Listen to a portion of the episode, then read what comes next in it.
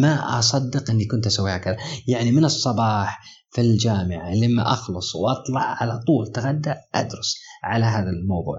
لماذا؟ لأن مشكلة إن الطلبة اللي معاك في الجامعة يعرفون already الأمور اللي صارت في الثانوية يعني مدرسة أيه. عندنا كانت عندنا لينا رودريغيز من أروع الأساتذة في أساتذة الأدب أيه. كانت تقول دائما يعني كما كما عرفت في الكتب كما عرفت في الثانوية في الثانوية وتردد الثانوية أيه. وأنا لا أعرف الثانوية أكثر وبالتالي كان كنت أرد أخذ كتب الثانوية. تذكر طه حسين في الأيام وكنت طالبا ثانويا في المساء وطالبا جامعيا في الصباح. بودكاست ألسن واحة من المعرفة اللغوية بالعربية. مرحبا بكم في بودكاست ألسن البودكاست العربي الأول في ميدان اللغة واللغويات. أقدمه لكم أنا هشام القاضي عن قرب من الرياض. السلام عليكم. حلقتنا اليوم حلقات. مزيج رائق من الفلسفة واللغة وغوص في دهاليز اللغة والعلوم. نتحدث في شؤون علمية وفلسفية تدور كلها حول محور اللغة. عن ديكارت وما يسمى باللسانيات الديكارتية. عن أصول علم اللسانيات عن تشومسكي ومدرسته في اللسانيات عن علاقة اللغة بالتفكير والعقل عن المنهجية العلمية عن نسب اللسانيات بين العلوم الإنسانية والطبيعية عن التطور الطبيعي للغات وعن اللغة العربية ذاتها وعن عشرات الأسئلة الشائقة وفي مقابلها إجابات عميقة رائقة. للأسف سجلت هذه الحلقة في ظروف فنية غير مثالية، ولكننا حاولنا أن نجعلها مقبولة لمستمعينا ومستمعاتنا الكرام قدر الإمكان. ضيفنا يا أعزائي مفكر لغوي وناقد سياسي من طراز نادر، ينادي بأشياء كثيرة ولكنه دوما يحمل الراية ذاتها. متفائل رغم أن الناس يرونه ساخطا. وبتحفيز من اهتمامنا الخاص في هذا البودكاست سنتحدث عن الخفايا والزوايا التي ربما لم يتحدث معه فيها أحد. عن تفاصيل تكوينه العلمي وعن اهتماماته الحالية وتطلعاته المستقبلية. كنت على موعد لأقضي معه ساعة على الأكثر. وعندما حانت نهاية اللقاء كنا قد قضينا دون أن نشعر أو دون أن أشعر أنا على الأقل قرابة ثلاث ساعات. كانت كل دقائقها مليئة بالنقاش الذي يولد النقاش غزيرة بالأسئلة متوافرة الإجابات. ولأننا قد اتخذنا قرارا من قبل بأن لا تزيد حلقة البودكاست عن 45 دقيقة نزولا عند رغبات واقتراحات كثير من أعزائنا المستمعين فقد احترنا في نشر حلقة طولها ثلاث ساعات. وأمام هذه الحقيقة قرر الفريق أن يقسم الحلقة إلى ثلاثة أجزاء.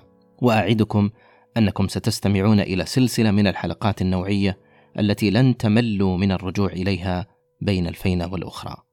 حلقاتنا مع اللساني الجميل الدكتور فهد المطيري. وهذا هو الجزء الثاني منها. وقبل أن نبدأ الفلسفة تفضلوا بالاشتراك في البودكاست ويمكنكم دائما التعليق على الحلقات وإبداء الإعجاب بالحلقة التي تودون أن تسمعوا مثلها لاحقا. كما يمكنكم التواصل معنا دائما عبر بريدنا ألسون at faz.education عن الفلسفة علاقة الفلسفة باللغة نعم وش نقصد أو ماذا تقصد أنت عندما تقول دكتور فلسفة اللغة أو فلسفة علم اللغة مم. نعم في فرق كبير بين الاثنين نعم. أو بالأحرى يعني فرق علاقة بس في فرق لما نقول فلسفة اللغة إذا موضوع الفلسفة هو اللغة. لما نقول فلسفة علم اللغة إذا موضوع الفلسفة هو علم اللغة وليس اللغة في ذاتها. الآن ال ال لو لو لو ترى الموضوعات الموضوعات مختلفة بين الاثنين. يعني مثلا لما تشوف مثلا ماذا تدرس في فلسفة علم اللغة؟ تدرس مثلا الدليل العلمي كيفية استخدام الدليل العلمي في علم اللغة هل علم اللغة علم فعلا أو لا؟ إذا كان علم إلى أي العلوم ينتمي؟ هل العلوم الطبيعية من العلوم المجردة آه مثلا آه استخدام مثلا الفرضية. كيف تستخدم في علم اللغة مثلا؟ هي نفس الفرضية هل اختبارها نفس الاختبار أو لا في العلوم الأخرى أو لا؟ يعني مثل هذه الأسئلة تطرح في فلسفة علم اللغة. نعم. يعني تدرس هذا طبعا جانب من of science اللي هو فلسفة العلم. أما لما تأتي لفلسفة اللغة لا إذا اللغة هي موضوع الفلسفة وبالتالي في هذه الحالة أنت تدرس يعني غالبا المعنى. و مثلا يعني من الموضوعات المطروحة المعنى معيار مثلا الحقيقة آه، مثلا اللي هو ال- الحقيقة والمجاز أي نعم meaning and truth مثلا. تدرس مثلا أيضا تدرس الاستعارة تدرس مثلا مواضيع أخرى آه، لها علاقة ب غالبا غالبا أي textbook تفتح بال philosophy of language تجد meaning the first thing you see يعني أو أي أول شيء أول شيء تشوفه. ال meaning المعنى. وهذا شيء طبيعي لأن لأن هذا اللغة بالنهاية صوت ومعنى. من أيام أرسطو معروف أن اللغة صوت ومعنى. والمعنى مهم جدا. الآن لما لما هذا فقط إذا يعني أنا راح أتوقف هنا لأن لأن تاريخها طويل. إذا أردت ممكن استعرضه بسرعة ولكن تاريخ فلسفة اللغة. يعني كيف بدأت وكيف انتقلت إلى وضعنا هذا يعني جزء جزء من الحلقة هي فلسفة اللغة. نعم. نعم فلك أن تستمر في الحديث وإن كان بس باختصار حتى. باختصار على راحتك. هو يعني هو أنا أعتقد أحسن بداية لدراسة فلسفة اللغة أن ترجع لأرسطو. لأن أرسطو هو حقيقة يعني هو اللي هو أول واحد يعني قسم أرسطو كان يستخدم شغلتين أناليسيس وكان يستخدم اللي هو التحليل تحليل. وكان يستخدم التصنيف يصنف الكلمات مم. مثلا هذا كذا وهذا. وأنا أعتقد هذه مثل هذه الأمور تجد أن طبعا انتقلت إلى الرواقيين فيما بعد وبعدين طلعت مدرسة ال ال طبعا النحو اللي وضعه مثلا ديونيسيس ثراكس مثلا وبعدين انتقل إلى يعني لاحظ بدأت تقسيمات ال- الكلمات إلى ثمانية أقسام في اللاتينية. في سؤال مطروح وأتمنى إلى الآن أنا إذا تقاعدت راح أبحث فيه. وأتمنى واحد يسبقني لأن أتمنى من الشباب اللي الآن متعافين الآن يبدأ في هذا الموضوع. ما علاقة مثلا النحو النحو العربي بالنحو الذي كتب في الإسكندرية؟ يعني يعني في فعلا في أمور تصدم من حتى التيرمز المستخدمه يعني إحنا يعني في أكثر المصطلحات مستخدمة هو حقيقة المصطلحات آه، تشابه المصطلحات الموجودة عند اللاتينيين وبالتالي يبدو أن للنحو العربي مصادر يعني خارجية آه، ووضع النحو استنادا لها. أنا هذا زعم لا أستطيع أن أدلل عليه بشكل علمي إلا أن أدرس الموضوع بشكل معمق. لذلك أنا فقط أشير إليها إشارة وأتمنى واحد يلتقط هذا الخيط ويدرس فيه لأن فعلا ميدان خصب ل- لمعرفة جذور أنا أقصد ال terms مو بس الجذور النحو بشكل عام ربما بعضهم ناقش جذور النحو بس أقصد ال terms اللي نستخدم المرفوع المنصوب المجرور وهذه من الأمور أيضا هذا يجعلنا نتعمق أكثر بالنحو وبالنحو العربي مثلا أو أو استخدامات النحو العربي. أنا أزعم وأعتقد أن النحو العربي يحتاج إلى تنظيف. تنظيف بمعنى إعادة آه، إعادة اعاده غربله للمصطلحات المستخدمة. يعاني منها كثيرين. يعني أعطيك مثال مثلا مثلا مثلا نحن نعرف مثلا مثلا بالإعراب. بالإعراب لما تقول الواحد أعرب دائما مشكلة الطلبه مثلا. ما يفهم شنو معنات أعرب. هو الإعراب إنك تأتي بثلاثة معلومات فقط. هذا الاهم أن تأتي بالوظيفة النحوية للكلمة أن تأتي بحالتها الإعرابية وأن تأتي بعلامتها الاعرابيه لذلك مثلا عندما تقول فاعل مرفوع على رفع الضمة أنت أتيت بهذه المعلومات الثلاثة. عندما قلت فاعل أنت أتيت بالوظيفة النحوية. عندما قلت مرفوع أنت أتيت بالحالة الإعرابية. عندما قلت الضمة أنت أتيت بالعلامة الإعرابية. ثلاث معلومات. الآن لما تنظر لفاعل هو فعلا وظيفة نحوية. لم تنظر لمبتدأ لم تنظر لخبر لما تنظر مثلا مفعول به. هذه وظائف نحوية. المشكلة وين؟ لماذا قلت تحتاج إلى غربله بعض المصطلحات؟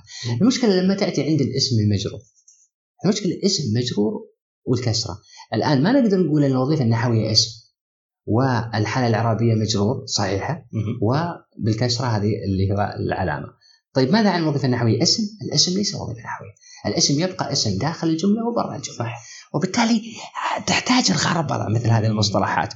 يعني فعلا محتاجين لغربله مثل هذه المصطلحات. نعرف أن حتى السيستم يكون متناسق. أول مرة أنظر فعلا الموضوع بالطريقة. أنا أنا أنا طرت على بالي وأنا قاعد أشرحها مرة في الفصل حقيقة. وقلتها للطلبة قلت يا جماعة أتمنى واحد منكم يناقش مثل هذه الفكرة. يروح لغربله مصطلحاتنا. لأني وأنا قاعد أقسمها لهم طلع لي اسم مجرور قلت طيب شلون أعرف الاسم المجرور هذا؟ شلون لماذا اسم أقول وظيفة نحوية؟ لأن ألو... الاسم ليس وظيفة نحوية صح الاسم ولو كذا قلنا اسم مبتدأ إذا هذا خلط بين. التصنيف والتحليل لأن أرسطو أول واحد تحدث عن كيف الأناليسيس اللي عند أرسطو إيش معناته؟ هو كتابة. On Interpretations الكتابة في التفسير مم. و Categories عنده عنده مصنفين بهذه الأمور. هو أول واحد طبعا نظر للفكر النحوي على الأقل في البيئة الشرق الاوسطيه والأوروبية. أرسطو لما لما تكلم عن التحليل تكلم عن التحليل بمعنى آه، تحليل الجملة لكلماتها من حيث الوظيفة هذا اعراب معناته. وعندما تكلم عن التصنيف تكلم عن الكلام كتصنيف للكلمات بغض النظر موجودة داخل الجملة أو لا هذا التصنيف الآن مم. الخلط بين الاثنين أنا أعتقد هنا لما نقول اسم مجرور هذا خلط واضح ما في غربلة لفهم المفاهيم. ليش تقول اسم مجرور؟ اسم ليس وظيفة نحوية. فبالتالي يجب أن نجد له اسما آخر. ليس نقول اسم؟ لأن اسم أيضا أمور أخرى. وهذه أعتقد يعني جاءت يعني يعني أنا ترى استرسلت الآن لأني راح أرد على اللغة وهذا تاريخيا مم. ولكن أيضا أمر آخر حقيقة يعني يثير يعني يثير للتساؤل. ما أريد أن أقول أزعم إنه صحيح أو لا بس يثير التساؤل وبحكم أن تخصصك لسانيات أنا واثق راح تفهمني اللي أقصده. لاحظ هذه نابع تساؤل من آه، أيضا على ماهية اللغة. لاحظ مثلا تصنيفاتنا لمبتدأ وخبر. طيب. مبتدا وخبر طبعا في ناس ناقشوا على فكرة إن ليش ما نسميه المسند إليه والمسند. وأنا أعتقد هذه التسمية جميلة أحسن. المسند إليه والمسند. وهي موجودة. وهذه التسمية إيه. تسمية أرسطو أيضا على فكرة. مم. يعني حتى من أيام قبل سبجكت قديما إيه. المسند والمسند إليه هذه التصنيفات أرسطو. لهذا السبب قلت إذا أردت فعلا أن تعرف الجذور اذهب إلى أرسطو. يعني تجد جذور هناك كلها موجودة. لكن مشكلتنا في اللغة العربية مع الأسف بالنحو. أننا نتعامل مع الجملة وكأنها جملة منطوقة وليست مجردة. يعني عندما تقول مبتدأ بمعنى ابتدأ به الكلام. صح. والبداية معناتها في زمن. واللغة المفروض أنها ليست زمنية. مم. بمعنى الجملة المنطوقة لها زمن. يعني عندما أقول الجو جميل وأنت تقول الجو جميل لدينا جملتين منطوقات. لها بداية ولها نهاية. أقدر اوقت لها.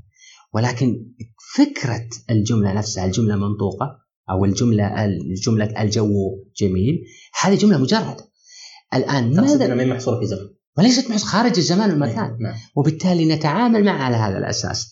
عندما تقول ابتدأ به الكلام اذا أنت اسبقت عليها انت تناقش جملة منطوقة الآن ولا تناقش آه، أيضا تجد في بعض الكتب النحوية التكست بوك حق اللي يدرسونه إن اسأل الآن مثلا سألت أكثر من مرة للطلبة ما هي الجملة؟ بس ما هي الجملة؟ ما تتوقع شنو شنو الإجابات اللي ممكن أنت أيضا تدرس اللسانيات لو سألت هذا السؤال ما تتوقع الإجابات اللي ممكن تأتي لو قلت ما هي الجملة؟ كثير إيه ما ما, ما تقول الجمله هي ما كلام نقوله إيه كلام. ها؟ إيه طبعا هي مجموعة من الكلمات كلمات. إيه وهذه مشكلة. لأن الجملة ليست بالضروره مجموعه من الكلمات؟ ليست بالضروره يعني- إيه ممكن أقول يعني كلامنا لفظ مفيد كاستقيم مفيد أيضا. وهذه مصيبة بعد ثانية مفيد. لأن إذا دخلنا في مفيد دخلنا في جمل أخرى اللي مثلا تشومسكي وغيره إنه قد تكون الجملة ليست مفيدة اطلاقا وراء ذلك تبقى نحوية. بالتالي. فكرة انها تبقى نحويه وليست مفيده إذا أيضا دخلنا في مشكلة أخرى. وأيضا في أيضا في اللغة العربية نحن نعرف جملة الأمر أحيانا من من وحدة صرفية واحدة. صح يعني لما أقول عي هذه جملة مكتملة الأركان فيها فعل وفيها فاعل. مكتمل ولكن ليست مجموعة من الكلمات. وبالتالي اذا هي مجموعة من الوظائف. هذه الجملة تعرفها مجموعة من الوظائف لها علاقات مع بعضها البعض. هذه هي الجملة. وليست مجموعة من الكلمات. إذا مجموعة من الوظائف مفهوم الوظيفة مجرد. مفهوم الوظيفة مجرد وليس مفهوما يعني ماديا وإنما الم- كلمة الوظيفة مجرد. وبالتالي الجملة هي مجموعة من الوظائف تربطها علاقات. النحو يدرس هذه العلاقات. يعني النحو يدرس هذه العلاقات بين ولكن ما ودي نفصل في هذا الموضوع. ولكن يعني جذبتني أنت في الحالة هذه أنت اللي أدرت الحوار. آه، يعني راح أسألك. اصير أنا اللي لو قلنا المبتدأ والخبر يعني ألا يمكن أن يكون المبتدأ والخبر هذا مستمر الحدوث؟ بمعنى انه مبتدا وخبر وبعده جملة أخرى فيها مبتدأ وخبر وبعده جملة أخرى فيها مبتدأ وخبر وهكذا. وهذا هو الكلام أصلا. فعباره أنها يجب أن تكون مجردة من الزمان. ليس لها معنى في الحقيقة. مو هذا رد يمكن أن يقال لمثل هذا الاعتراض؟ هو مو اعتراض هو, هو حقيقة اعتراض لأن أنت مبتدأ بمعنى ابتدأ صح؟ ابتدأ به الكلام. صح. وبالتالي ابتدأ بالكلام. إذا إذا ما ابتدأ به الكلام تقول مؤخر. فإذا انت تاخذ هذه التصنيفات مؤخر. اي مؤخر أيضا زمني ها؟ يعني الفكرة مؤخر زمني. ما, ما أفهم مؤخر الت... يعني. ما ما لها معنى. مؤخر من دون افتراض وجود زمن. ما لها معنى. التقديم والتأخير ما لها معنى من دون افتراض وجود زمن. وبالتالي نحن لسنا أمام جمل منطوقة. لا نحلل الكلام. نحن نحلل الجملة المجردة. التجريد. علاقات وظيفية علاقات نحوية مع بعضها البعض. هذا التحليل المفروض يكون للجملة المجردة وليس الجملة المنطوقة. لذلك المصطلحات أصلا نستخدمها في النحو. هي مصطلحات حقيقة لا تناسب الآن لم تعد تناسب التحليل النحوي الحديث. كيف تحلل الجملة؟ تحللها كتركيبة. ها كتركيبة مجردة وليس وليس ككلمات لها بداية ونهاية. وهذا الجملة المنطوقة. لذلك لو تلاحظ في القديم يقول الكلام. هو ليس الكلام هو هو الفكرة الآن صارت التركيبة تركيبة الجملة نفسها. هذا المفروض نناقشها وبالتالي علاقات مجردة.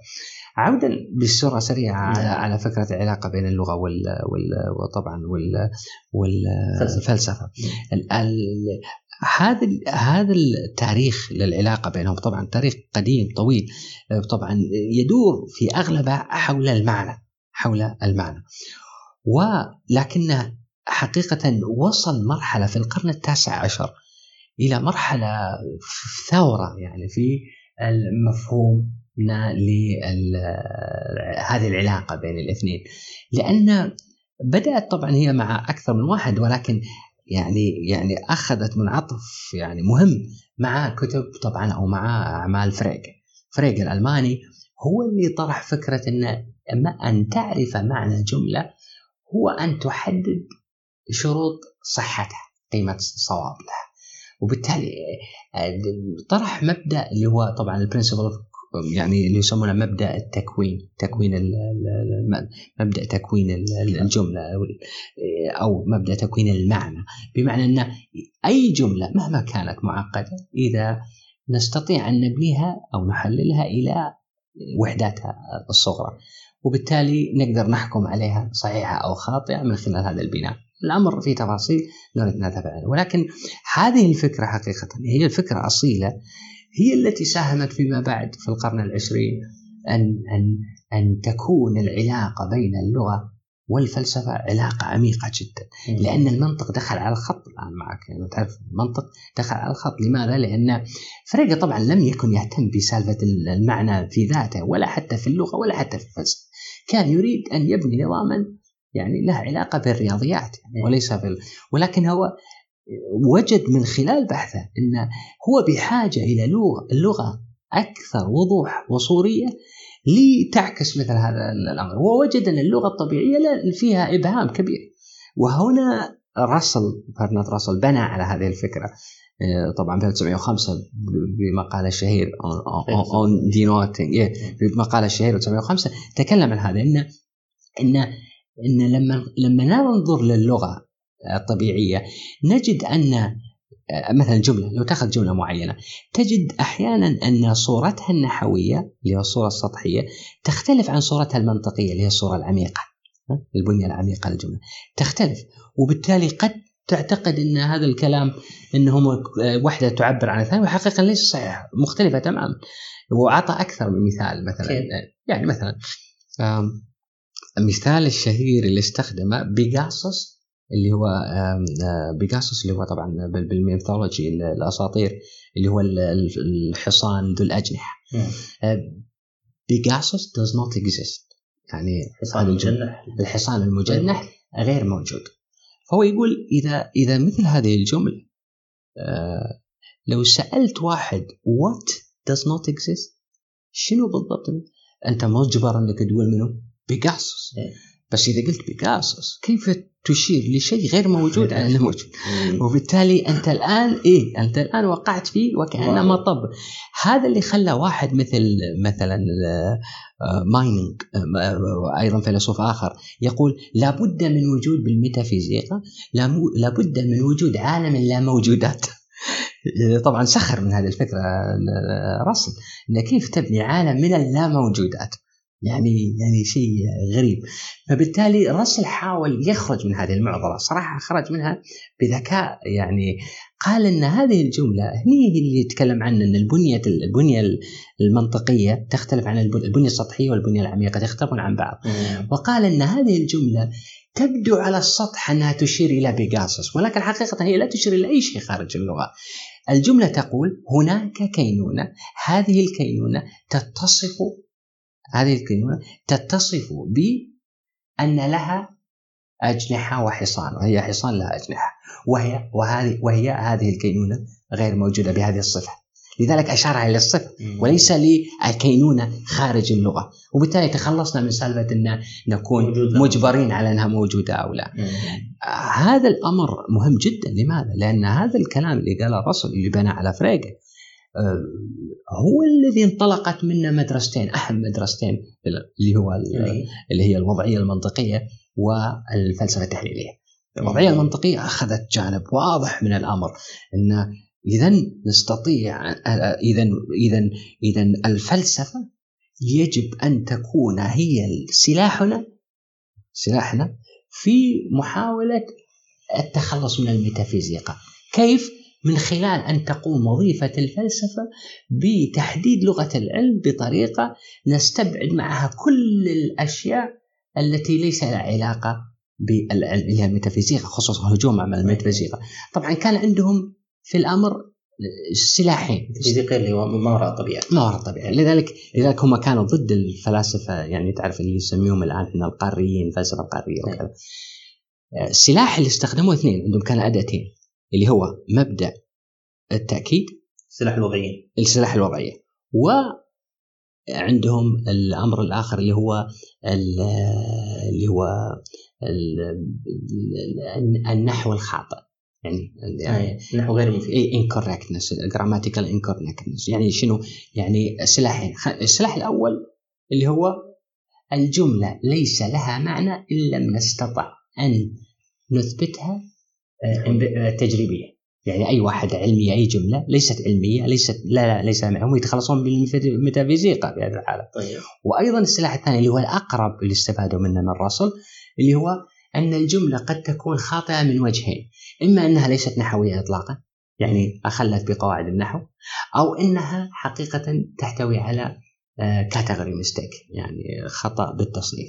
مثال مثال لما أقول مثلا مثلا المثال الشهير اللي دائما يطرحونه مثلا قيصر آه، عدد آه، اولي هذا مشكلة لأن لماذا؟ لأنك هذه هذه هذا لا يسمى بالنسبة للوضعيين آه، جملة تصرح بشيء حقيقي وإنما تصرح بشيء يبدو حقيقيا وليس حقيقي نعم. يعني ما لها معنى لماذا؟ لأن عدد اولي صفة لا تنطبق على قيصر. إيه وإنما تنطبق على الأعداد ولا تنطبق على هذا مهم لماذا؟ لأن الابعاد صحيحة نحويا لكنها غير صحيحة. لا لا. هو المثال النحوي لما تقول مثلا لما تقول مثلا قيصر آه مثلا آه رجل.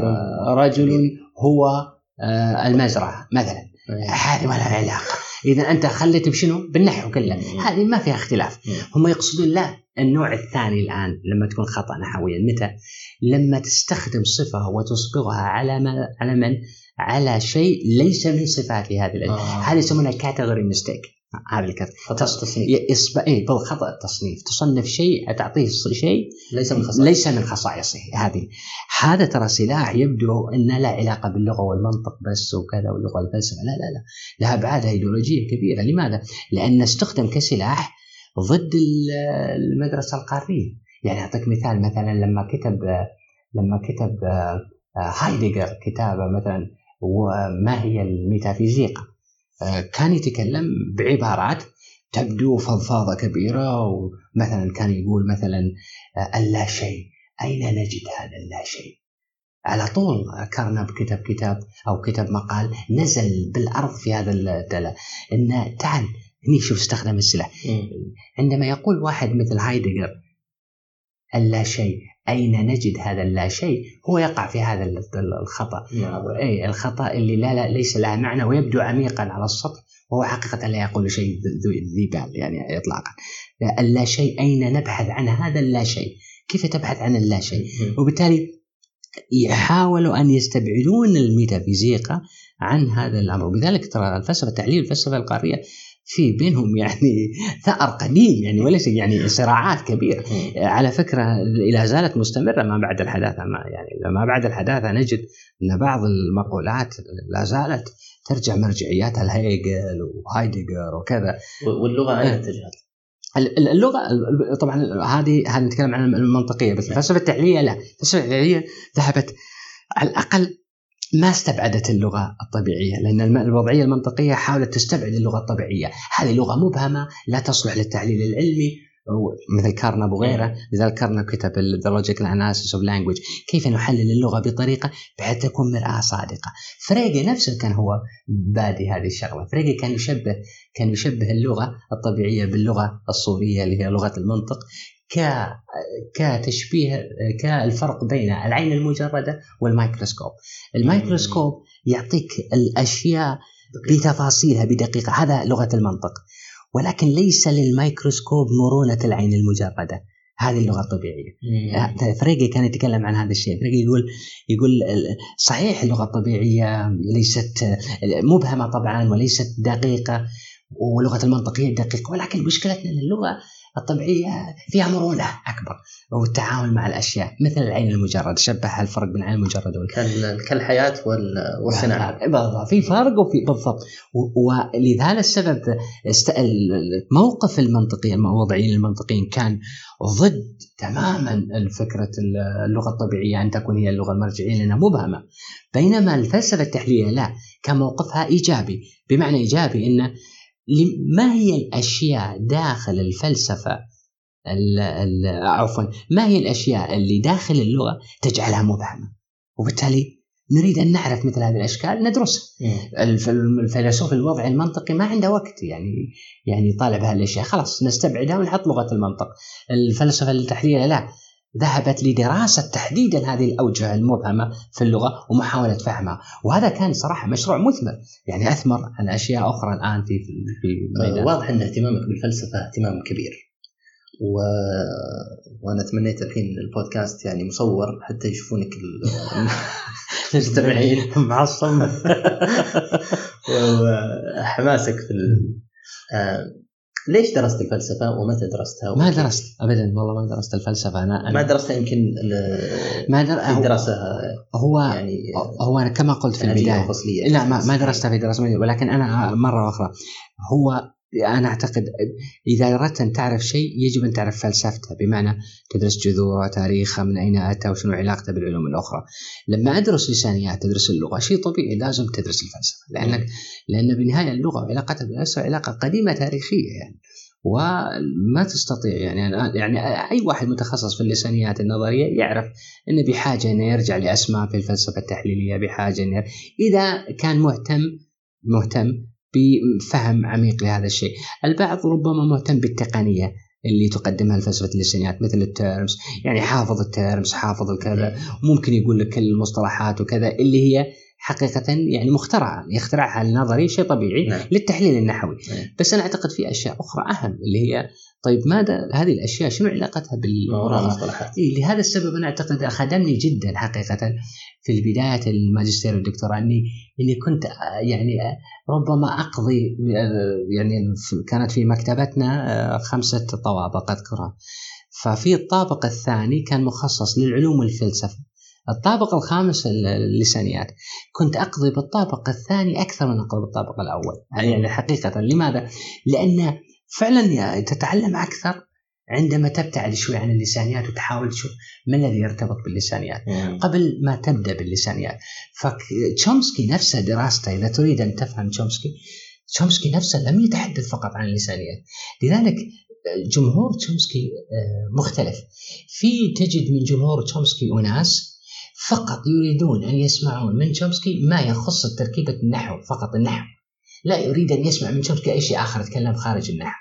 في جمهور آخر يريدون العكس يريدون ان يسمعوا من تشومسكي كل ما يتعلق بالأشياء الأخرى اللي حول النحو وليس النحو نفسه. وفي جمهور آخر يريد أن يجمع بين الاثنين. وفي يعني تشومسكي نفسه لأنه متنوع ولأنه عميق في قراءاته شيء طبيعي. ولا يعني يعني لاحظ أنا ما أتكلم عن الجانب الآخر اللي هو التحليل السياسي ولا لا لا لا أنا أتكلم فقط فقط داخل اللسانيات تشومسكي كان يحاور آه، فلاسفة اللغة كان يحاور آه، فلاسفة علم الإدراك كان يحاور لأن لأن الإنسان لأنه إنسان لم يقتصر دراسته فقط على اللغة من حيث هي لغة وانتهى. هو يريد أن يتعمق أكثر وبالتالي مضطر أن يفهم. طبعا يعني يتعمق بالفلسفة. ولهذا السبب يعني إذا أنت أردت أن تفهم يعني إذا كان من فضل من قراءتي للفلسفة فهو تشومسكي حقيقة. يعني لو لم أختر تشومسكي للدراسة لربما لا كنت يعني مهتما بالفلسفة حقيقة. لذلك أعتقد دراسة الموضوع إنسان مثل هذا يضيف إليه كثيرا. قبل دراسة تشومسكي أو قرارك لدراسة تشومسكي نعم. فهمت إنك كنت مهتم بالطب. والله الطب أنا ما اهتميت فيه. أنا حقيقة جاءت آه تعرف إحنا بالكويت إذا نسبتك قوية إيه؟ يا تروح يا طب يا هندسة. في العالم العربي مو في العالم إيه في العالم العربي كله إيه. ف فكان لدي أخ يدرس في إيرلندا وقتها وكان يدرس الطب. فكان إنه أوكي راح إيرلندا اذا سوف أذهب أنا أيضا ألحق بأخي إلى الطب وكان فيها آخر سنة هو كان يتخرج. أنا رحت على بعثة آه، كانت بعثة آه، من وزارة الدفاع وليست وزارة التربية لأن للأسف بعد الغزو العراقي كان ما في بعثات يعني مقاعد قليلة جدا كانت وقتها آه. فالجيش فتح يحاول أنه يساعد على فتح مقاعد خبرة الجيش في ذلك الوقت مع الأسف ما كانت نفس خبرة وزارة التربية في البعثات. فتعطلنا سنة كاملة أذكر يعني كنا من دولة لدولة رحنا حتى أمريكا ورحنا يعني كان ضياع سنة كاملة ما كنا ما بدينا الدراسة أصلا. مم. أخيرا يعني استقر الأمر على أنهم يجدون لنا مثلا مكان في إيرلندا. إيرلندا مشكلتها قبل يجب أن تسوي الثانوية العامة يعني تعمل الثانوية العامة فإذا راحت علينا أيضا آه، سنة أخرى. نعم. شفت الوضع طال صراحة. واثناء هذا الوضع كله كنت أقرأ طه حسين وأقرأ ما أدري شو الأدب. ادب فشعرت إن ربما أنا أتيت إلى المجال الخطأ مع إني علمي متخرج علمي. ف يعني لما تخرجت آه، من الثانوية العامة الإيرلندية حصلت على درجات يعني غريبة اللي هو أعلى من درجات أخي اللي دخل الطب. وعلى الرغم من ذلك لم أستطع أن أقبل من أول فترة، لماذا؟ لأن كان في ازدحام رهيب أيه. على فأخذوا بعض الأعداد وخلوا الآخرين. فالآن كان المفروض بسبب المشكلة اللي حصلت بفكره تراكم أيه. الأقدام وبالتالي صارت مشكلة الآن إن وأين أذهب يعني لا ليس لدي يعني صراحة وقت إني اضيعه مرة أخرى بعد ثلاث سنوات راحت ما بديت أصلا في الطب فلم أدخل طب اطلاقا يعني ما دخلت كلية الطب آه. لا اطلاقا إيه. ولكن في كان التحول في تلك الفترة. قررت إني أروح أدرس أدب. بس ما حسيت إنه في يعني لهذا السبب. لهذا السبب في بعد كبير بيني. لهذا السبب أبوي قال الكلمة الشهيرة بعثناك لتكون طبيبا وإذا بك ترجع اديبا. وأنا حقيقة لا. على الاقل في سجع وأنا اي وأنا حقيقة لا هذه ولا هذه. يعني لست لم أدرس الطب. ودرست الأدب ولكني لست اديبا لأن في الأدب ملت إلى اللغة. يعني أثناء دراستي الأدب الأسباني. ربما اصبحت طبيب اللغة.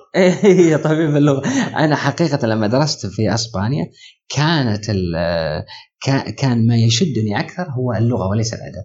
آه هذا صراحة لهذا نعم. السبب رحت أدرس لسانيات تساؤل آه، آخر. نعم. ليش إسبانيا؟ نعم هذا أيضا لها علاقة آه، مصادف حقيقة. أسبانيا لما رحت أقدم على البعثة كان في البال فرنسا. إني أروح أدرس آه، الأدب في فرنسا. واللغة اي بغض النظر ما أدري أي جامعة حقيقة بس إنه كنت أريد البعثات على فرنسا. فكان أحد الموظفين آه، اللي أخذ الأوراق قال لي شوف ما في مشكلة نقبلك في فرنسا بس ترى في ازدحام في فرنسا. أسبانيا رايحة بعثة توها أول بعثة تروح خمسة قدامك أو ست طلبة بس. فليش ما تروح أسبانيا؟ إذا أنت دارس أدب دارس أدب. شيء جديد. أنا في بالي كان أدب بس فرنسا ليش في بالي؟ لأني اعتقدت إن هذا المتاح فقط. مم. فلما قال لي أسبانيا قلت أنا رايح أدرس أدب حتى لو كان في أسبانيا ليكن يعني. صح. إيه أروح أسبانيا. وأنا لم أكن أعرف من الأسبانية إلا أولا مرحبا. ما أعرف من الأسبانية اطلاقا أي شيء. ولكن كنت كنت تعرف الإنجليزية. كنت أعرف الإنجليزية وكان هذا صراحة آه، يعني شيء سلبي وليس إيجابي ليه؟ لأن كنت أفهم الكلمات الأسبانية التي تقال فهما انجليزيا وهذا يلتبس علي المعنى. يعني أعطيك مثال كانت عندنا مدرسة أول ما بدينا الدراسة كانت تردد يعني مثلا آه، في إسبانيا في إسبانيا مم. كل ما شرحت شيء قالت entendéis entendéis أنا entendéis على بالي تقول en، en diez في 10 أيام. في عشرة أيام. وأنتظر منها ما الذي سيحصل بعد العشرة. طلع هي تقول entendéis بمعنى فهمتم. فهمتم بمعنى؟ من الفعل entender entender فهمة. ف entender التصريف طلعت كلمتين بس اي اي فهمتم. اي اي هي entendéis في كلمة واحدة. إيه. ولكن التصريف entender entendéis هل فهمتم؟ إيه. ف... فهذه بالعكس اللغة الإنجليزية لم تكن مساعدة حقيقة اطلاق وأثرت أيضا الأسبانية بعد ما أجدتها على الإنجليزية لما انتقلت لبريطانيا بعد أسبانيا لأن صارت الألفاظ ألفظ الكلمة الإنجليزية لفظا لاتينيا وشكلها بايخ يعني إيه،. اذكر اي اي فبالتالي يعني يعني يعني حاولت يعني يعني مع بعد جهد جهيد. أنا أتذكر إيه أتذكر النطق الإنجليزي هو يجب أن يكون. إلى الآن ترى أعاني منها. أنطق بعض الأشياء نطقا إنجلي... آه، لاتينيا. وليس نطقا مع أن الكلمة إنجليزية ولكن أنطقها لاتيني لأن التأثر بالأسباني وهذا أمر طبيعي. بس يعني كانت الرحلة يعني جميلة صراحة أسبانيا في ذاتها يعني. آه كيف كانت الدراسة هناك؟ والله الدراسة هناك أنا صراحة آه، يعني كانت جميلة صراحة لأن الم... لأن سلامانكا يعني 1200 درست في سلامانكا اي هي طبعا القرن الثالث عشر. ال- ال- المبنى قديم يعني من يعني من أوائل الجامعات في أوروبا آه، سلامانكا. آه، المبنى نفسه يعني إحنا كنا في المحاضرات نعرف إن المحاضرة انتهت من قرع ال- ال- ال- جرس. الجرس. مال الكنيسة. اي إيه يعني ما ما ما في جرس يرن مثلا. إيه. تسمع الساعة تضرب عرفت إن دقة الساعة انتهت المحاضرة. فبالتالي الجو كان جو صراحة يعني جو قرون وسطى.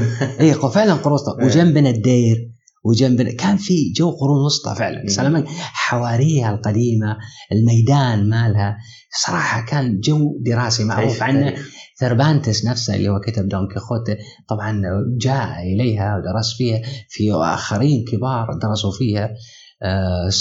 لويس وغيرها فراي لويس. ف... فأسماء كبيرة معروفة في سلامانكا لأن سلامانكا معروفة. تقول جامعة سلامانكا في إسبانيا. فهذا الجو صراحة كان مشجع للدراسة. المبنى نفسه يعني يشبه مبنى كامبريدج مثلا المبنى القديم اللي اللي الواسع الشرح ال- الطابوق القديم الأحمر. يعني فعلا كان المبنى فعلا جو دراسة يعني. فهذا أمر صراحة كان مشجع إنك تدرس في جامعة فيها عبق الماضي يعني. لكن أيضا إلى جانب آخر أسبانيا جميلة يعني دراستها لأن لأن هي نظامها طبعا النظام القديم ولكن آه، كان في تحدي حقيقة لأني لأنه التحدي؟ لم أعرف أي كلمة اول ما جيت ما قلت لك أنا ما أعرف إلا اولى فكان في هذا التحدي إن هل فعلا أستطيع أن تحدي تعلم اللغة اتعلم اللغة لأن المشكلة وين؟ المشكلة لما تأتي كطالب عليك أن تجتاز يعني يعطونك فترة مثلا ست أشهر إلى سبعة أشهر لغة وعليك أن تدخل الجامعة. الآن تدخل الجامعة أنت بست أشهر ما تستطيع أن يعني تعرف اللغة بست أشهر. وعليك أن تدخل الجامعة، المشكلة سنه أولى جامعة من ضمن المواد اللاتيني وترجمة للأسباني. مثلا آه، يعطوك نص لاتيني الترجمة للأسباني. طيب أنت أسباني ما تعرف. توكم إيه، بسم الله. تونا جايين بسم الله. إيه فهذا كان تحدي كبير صراحة. بس أعتقد يعني آه، مع الإصرار مع محاولة إنك ما يخالف احاول مرة مرتين. بإمكانك ان تتجاوز إذا فعلا آمنت بقدراتك أنك تستطيع. إذا إذا فعلا اجتهد. أنا للأمانة ما أقول شيء يعني صار معجزة اطلاقا ولكن فعلا تعبت. يعني كانت صعبة. السنة الأولى فعلا والثانية كانت من يعني كنت الجهد اللي كنت أبذله كان فعلا يعني إلى الآن لو أترد فيه السنوات ما أصدق أني كنت أسوي هكذا. يعني من الصباح في الجامعة لما أخلص وأطلع على طول تغدى أدرس على هذا الموضوع.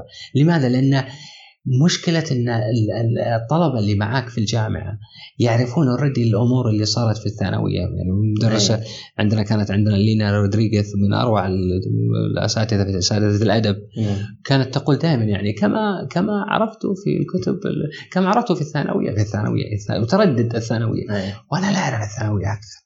وبالتالي كان كنت أرد أخذ كتب الثانوية. تذكر طه حسين في الأيام وكنت طالبا ثانويا في المساء وطالبا جامعيا في الصباح. أيوة. وهذه فعلا صارت معي فعلا حرفيا صارت معي. لأني فعلا كنت بالليل أخذ كتب الثانوية مال الأسبان وأقرأ. بعرف شنو أخذوا قبل ما لأن ما معقولة هم يعرفون أشياء أنت ما تقدر تتابع معاهم. خاصة انهم يحلون لها يعني. بالضبط يحلون. في حالة كاملة. آه، بعدها حاولت يعني أوكي طيب الآن التحدي الآن. شلون تدرس؟ هل هل تستطيع أو لا تستطيع؟ هل تستطيع تجتاز المادة أو لا؟ أذكر كنت أحيانا إذا عجزت عن نص وأدري أن السؤال ربما يأتي بهذا الشكل كنت احفظ حفظ الإجابة خشية من إني أخطأ نحويا. لأن بالبدايات أنت ما أنت واثق فبالتالي مضطر تحفظ. بس بعدين مع القراءة والقراءة والقراءة تبدأ أنت تكتب براحتك عادي ما عندك مشكلة. بس بالبدايات كنت خايف إني لا أنجح. في المادة. لأن أي تعطيل راح يعطل السنة علي يعني في التالي بالمواد وكذا. مرحلة اللغة نفسها هل كانت مرحلة صعبه مرحلة اللغة تعرف دائما كورسات اللغة يغلب عليها الطابق الطابع السياحي مع الأسف. أيه. يعني يأتي معك مثلا طلبة ليس لهم أغراض التي تريدها أنت من اللغة. أيه. يعني مثلا الغرض من اللغة هو أن أنتقل إلى الجامعة في السنة التي تليها. بينما تجد معك أناس ربما حاضرين الكورس هذا لشهرين وسياحه ويرد أيه. فبالتالي ما كان صراحة البرنامج اللغة مفيد جدا. أنا أعتقد الإفادة كانت بالقراءة. يعني لأني أعرف أني في فيما بعد لا يريد مني أتحدث، يريد مني أن أكتب.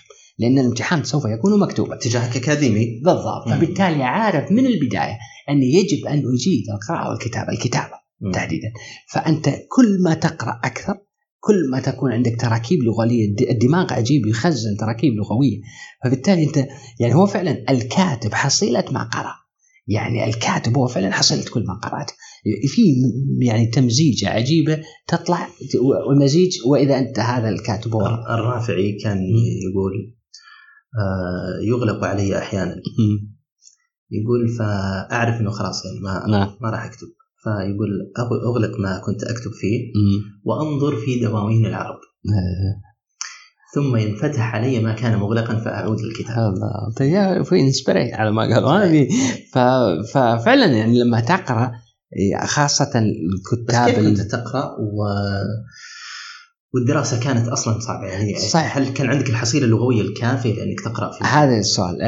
كانت كانت في طريقة جميلة كانوا يسويها أحد الأساتذة في في بداية دراستنا اللغة الأسبانية. كان يعطينا قصص قصيرة.